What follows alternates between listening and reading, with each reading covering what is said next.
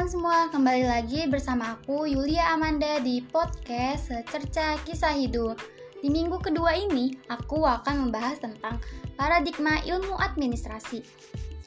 Apa sih paradigma ilmu administrasi itu?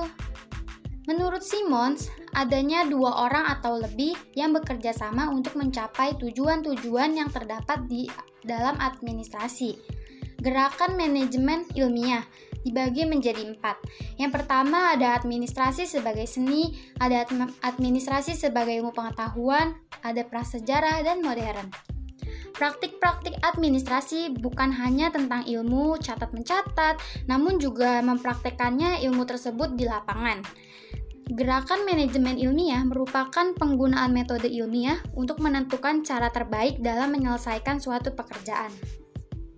Di dalam gerakan manajemen ilmiah terdapat birokrasi, yaitu hubungan manusia dan perilakunya, menurut Emayo. Teori administrasi itu sendiri menjelaskan upaya-upaya untuk mendefinisikan fungsi universal yang dilakukan oleh pimpinan dan asas-asas yang menyusun praktik kepemimpinan yang baik. Lalu ada proses. Proses itu di dalamnya ada perilaku, kuantitatif, sistem, dan situasional. Perkembangan substansi dalam objek kajian administrasi pada akhir abad ke-19 itu ada manajemen organisasi, ada administrasi keuangan, kepegawaian, material, dan terakhir ada administrasi negara atau niaga. Pemikiran ilmu administrasi menurut Henry Fayol 1841 sampai 1925 merupakan administrasi dipandang sebagai salah satu fungsi kegiatan yang perlu diterapkan badan usaha guna mencapai suatu tujuan yang optimal dari sumber daya yang tersedia.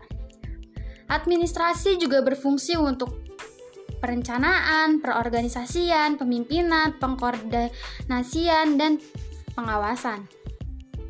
Kelima fungsi lainnya yaitu meliputi kegiatan teknis, komersial, finansial, keamanan, dan akunting. Menurut Frederick Winslow Taylor 1856 sampai 1919, itu menjaga produktivitas kerja yang baik perlu diadakan waktu bekerja dan istirahat. Jam kerja juga kan dibagi menjadi dua yaitu ada yang kurang efektif, ada yang efektif juga. Manajemen administratif dan manajemen operatif itu merupakan dasar utama perkembangan dan pembangunan ilmu administrasi itu sendiri sebagai ilmu pengetahuan. Nah, di sisi lain juga ada kajian efisiensi produktivitas menimbulkan perhatian para ahli terkait unsur manusia dalam organisasi. Itu menurut Simons. Hubungan ilmu administrasi dengan ilmu lainnya itu yang pertama ada administrasi dengan ilmu politik. Administrasi berasal dari ilmu politik atau dengan kata lain adanya hubungan erat antara ilmu-ilmu politik. Yang kedua ada administrasi dengan ilmu ekonomi. Hubungan yang sangat erat, saling melengkapi dan bahkan saling tumpang tindih antara satu dengan yang lain. Yang ketiga ada administrasi dengan psikologi. Sebagai proses kegiatan dan tindakan dalam kerjasama dan sekelompok orang dalam mencapai tujuan juga dipengaruhi oleh tingkah laku sosial. Yang keempat ada administrasi dengan ilmu etnologi.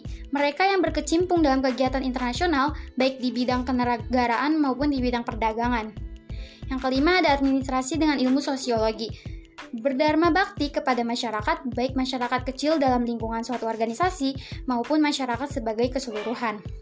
Yang terakhir ada administrasi dengan ilmu eksak atau statistik. Itu merupakan pengumpulan, pengolahan, dan penyampaian data serta informasi yang demikian itu hanya dapat dilakukan melalui statistik. Uh, itulah tadi materi yang dapat saya sampaikan di minggu ini. Semoga bermanfaat bagi teman-teman semua. Sampai berjumpa di minggu selanjutnya. Bye.